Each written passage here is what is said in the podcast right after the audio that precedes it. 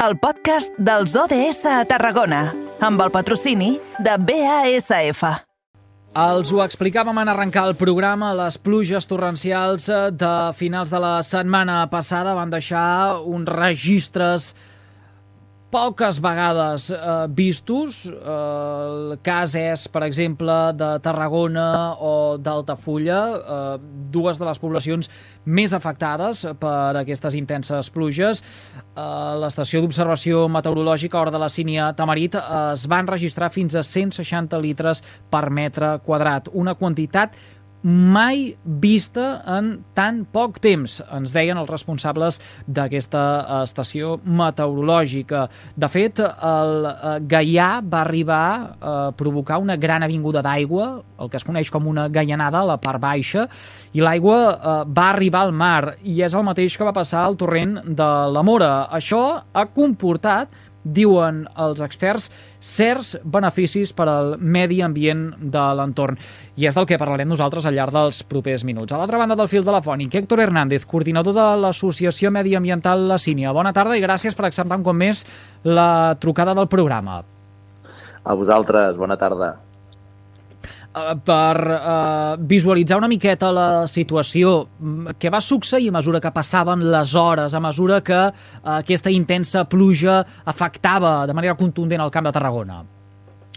Doncs bé, és el que tu has dit. Eh, va ser una pluja molt sobtada, molts litres de cop. Hem de pensar que tot el Baix Gaià, només en aquesta zona, doncs qualsevol dels pobles, la Riera, el Catllà, Altafulla, com tu bé deies, doncs es van recollir més de 100 litres en poques hores i, evidentment, aquesta concentració de tanta aigua doncs, va fer doncs, el, els efectes que hem vist, no? que tant torrents com rius doncs, portessin moltíssima aigua, a diferència potser d'altres vegades que estem acostumats a que plogui la part alta i baixi aquest cabal, doncs això es va concentrar molt aquí en una zona molt petita com és el Baix Gaià.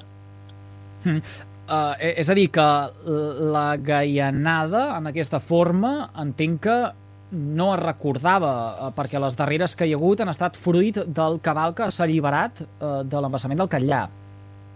Doncs sí, habitualment les gaianades, tal com les entenem, aquestes avingudes d'aigua, doncs normalment es generen doncs, això, aigües amunt i acompanya. Així tot, no és un fet estrany, perquè hem de recordar fa uns quants anys, doncs, per exemple, des del torrent de Vespella a Salomó, que va haver unes fortes i intenses pluges en aquella banda, tota l'aigua es va concentrar també en aquella zona, va baixar i vam tindre també un episodi, diguem, de, de gaianada produït en aquest cas per un torrent. Per tant, hem de pensar i ens hem de posar una miqueta en l'imaginari que estem en un clima mediterrani recurrent, de fet, ho comentàvem un dia, el 1874 ja vam tindre un, una gaianada, un fort episodi de fortes pluges en aquesta zona que va comportar una avinguda. No? Segurament, moltes vegades el que ens passa és que aquests episodis en aquest clima mediterrani no són eh, molt seguits, sinó que a vegades doncs, es tracten d'episodis doncs, això que, que triguen 100 anys a produir-se i el fet de que nosaltres no en tinguem memòria doncs ens sembla un fet extraordinari. Però si mirem enrere i busquem una mica llibres d'història,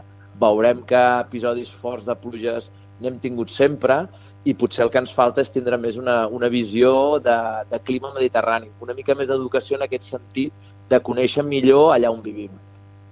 Hmm. La fesomia del tram final al riu Gaià ha canviat en dies enrere? Doncs, home, la veritat és que si ens mirem estrictament el, el curs fluvial, la veritat és que el riu, com a riu mediterrani, ha fet allò que li pertoca. Ara feia un temps que no teníem pluges, per tant, la vegetació havia anat guanyant espai a la llera i com bon riu mediterrani, doncs la manera que té de... Això que ni diem netejar el riu, que ben bé no seria ben bé això, doncs és, és enviant aigua cap a mar i, home, doncs sí, s'ha canviat una miqueta, la llera es torna a veure i l'altre efecte, si n'hi vols dir així, positiu de tot plegat, i de fet, a la gent que des del diumenge estava, per exemple, al Tafulla, al passeig marítim, doncs el que es veien era que hi havia grans taques marrons dintre de l'aigua que tot això són aports de sediment, tant la rasa d'Altafulla com, la, com el riu Gaià, com abans tu deies també molt bé el torrent de la Mora, tots aquests cursos fluvials el que fan és aportar sediments al mar que són molt interessants. Doncs, per una banda, perquè són sediments que després també ens ajuden a conformar les nostres platges, però també, i encara més important, tot això són aports de nutrients que són imprescindibles i bàsics, per exemple, per, per tot el que és els peixos que viuen al mar. No? Per tant, ho hem de veure també aquestes pluges mediterrànies com que formen part del nostre, del nostre ecosistema i així l'hauríem d'entendre com una cosa positiva que té el seu cicle i que sempre ha sigut així, encara que, com dèiem abans, siguin amb, amb cicles llargs de temps. Estem parlant de les conseqüències positives, si es pot dir d'aquesta manera, del eh, temporal de divendres de la setmana passada i la matinada del eh, dissabte. El primer tram de programa, a les 4, hem eh, conegut eh, dos casos eh, d'instal·lacions eh, malmeses, les del Club Tenis Tarragona i el cas també en particular eh, d'un pagès, d'en eh, Joan Albert Blanc, que haurà de tornar a sembrar eh, tots els calçots, que ha vist també com algunes infraestructures eh, s'havien eh, destrossat mm, el cantó totalment oposat és el que ens està explicant ara mateix el coordinador de l'Associació Mediambiental de Sínia. Uh, Héctor, uh, seguim parlant de sequera o, o ara, després d'aquests 160 litres per metre quadrat, ja no cal que parlem de sequera i de uh, la situació extrema a la que s'havia arribat aquest estiu?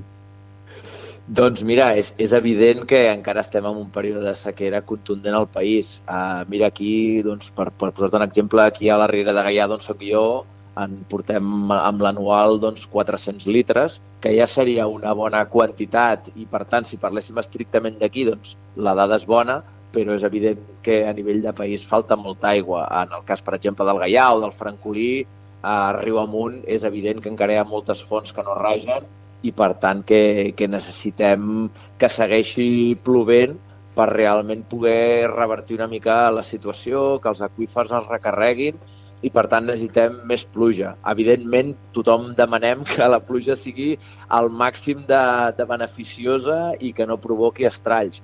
Però una mica seguint amb el que tu estaves comentant ara, moltes vegades també els estralls que provoquen aquestes pluges és per unes males infraestructures que a vegades fan de barrera de la pròpia aigua i no fan que pugui anar pel seu curs natural i es desviïn, per exemple, com tu bé dius, no? la, la Nacional 340, la via del ferrocarril, aquí a Ferran també ha provocat que moltes hortes quedessin inundades. És evident que és una barrera importantíssima que no, no permet el flux d'aigua. Per tant, també moltes vegades no només és culpa de la pluja, sinó de, del que fem els humans.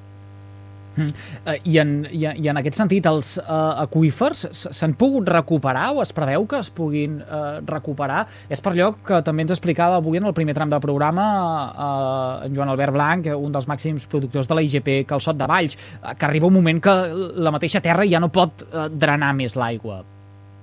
Clar, és evident que aquestes pluges tan fortes, doncs una part se'n van a mar, tenen també aquest, aquest cicle natural que dèiem abans, eh? arrosseguen materials cap al mar, que també són són part del cicle natural, i una part sí que va cap a l'aqüífer. Uh, el que és interessant per això, perquè les aigües vagin filtrant cap a l'aqüífer, és perquè, per exemple, que els rius baixin i, i per això també necessitem que plogui a la part de dalt. És una combinació, evidentment, de tot, eh? i ho hem de posar una miqueta en perspectiva i les coses moltes vegades no són ni blanques ni negres, sinó que tenen tota una sèrie de matisos. I, per tant, aquesta aigua és bona, és benvinguda, però, evidentment, doncs, hi ha una part que si ens, ens la posem al nostre imaginari humà de que si tota la podem aguardar, de fet, llegia no, aquests dies eh, tuits de, d'evidentment persones amb, amb tota la raó del món que plantejaven doncs, que aquesta aigua dolça que ha plogut aquí, doncs, molta part s'ha anat al mar i per tant no la podem aprofitar. No? I estrictament des de la vessant humana doncs és com mm. llançar l'aigua. Però hem d'intentar posar-nos en la vessant de la natura i l'aigua té el seu cicle i per tant segur que tindrem pluges a les parts altes del riu a capçalera i aquestes seran les aigües que segurament faran que els rius baixin i part d'aquesta aigua doncs s'infiltri. Unes tempestes com la de divendres que diuen els experts que cada cop seran més freqüents fruit del canvi climàtic. Per tant, eh, arriba l'hora també de posar-nos una mica les piles a l'hora de gestionar eh, situacions caòtiques com eh, aquesta. Sí, exacte, sí, sí. El fet de que vivim en clima mediterrani, Eduard, i això crec que n'hauríem de, de començar a prendre.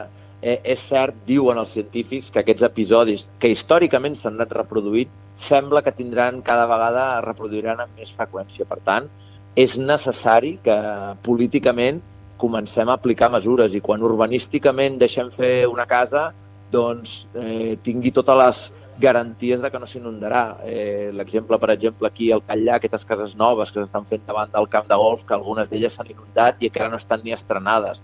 Estan en, en zones clarament inundables. Per tant, urbanísticament hauríem de fer prevaldre el criteri de la prevenció i evitar a tota costa poder, per exemple, doncs això, posar cases, posar zones d'aparcament, etc en zones inundables, en torrents que han sigut cimentats i, per tant, tenint en compte tot el que tu has dit, el tema del canvi climàtic, de que cada vegada anirem a episodis més contundents de pluja, doncs el que hem de fer és que les estratègies han de ser clares i hem de tindre una visió urbanística no només de si aquella casa ens agrada o no, sinó que si aquella casa està ben situada urbanísticament o no. I això és tasca, entenc, tant dels propis ajuntaments que coneixen molt bé el territori com de les pròpies supra, entitats supramunicipals, digue-li Generalitat de Catalunya i de més, perquè realment el model urbanístic del nostre país s'adecui a les característiques mediterrànies del nostre clima.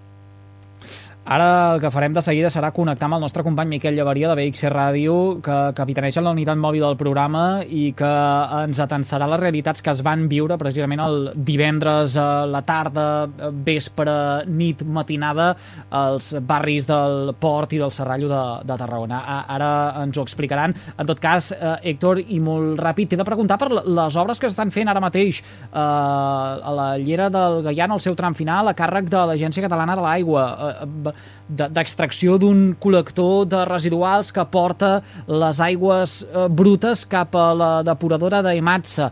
Um, ha, ha afectat d'alguna manera això? Teniu constància des de la Sínia?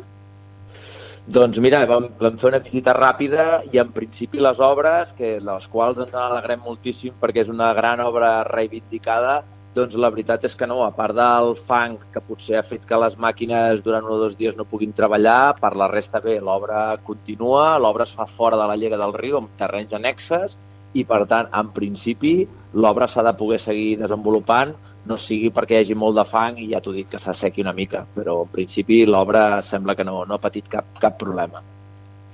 Héctor Hernández, coordinador de l'Associació Mediambiental La Sínia, agraïts que un cop més hagis acceptat la trucada de carrer Major. Moltíssimes gràcies. A vosaltres, bona tarda, gràcies.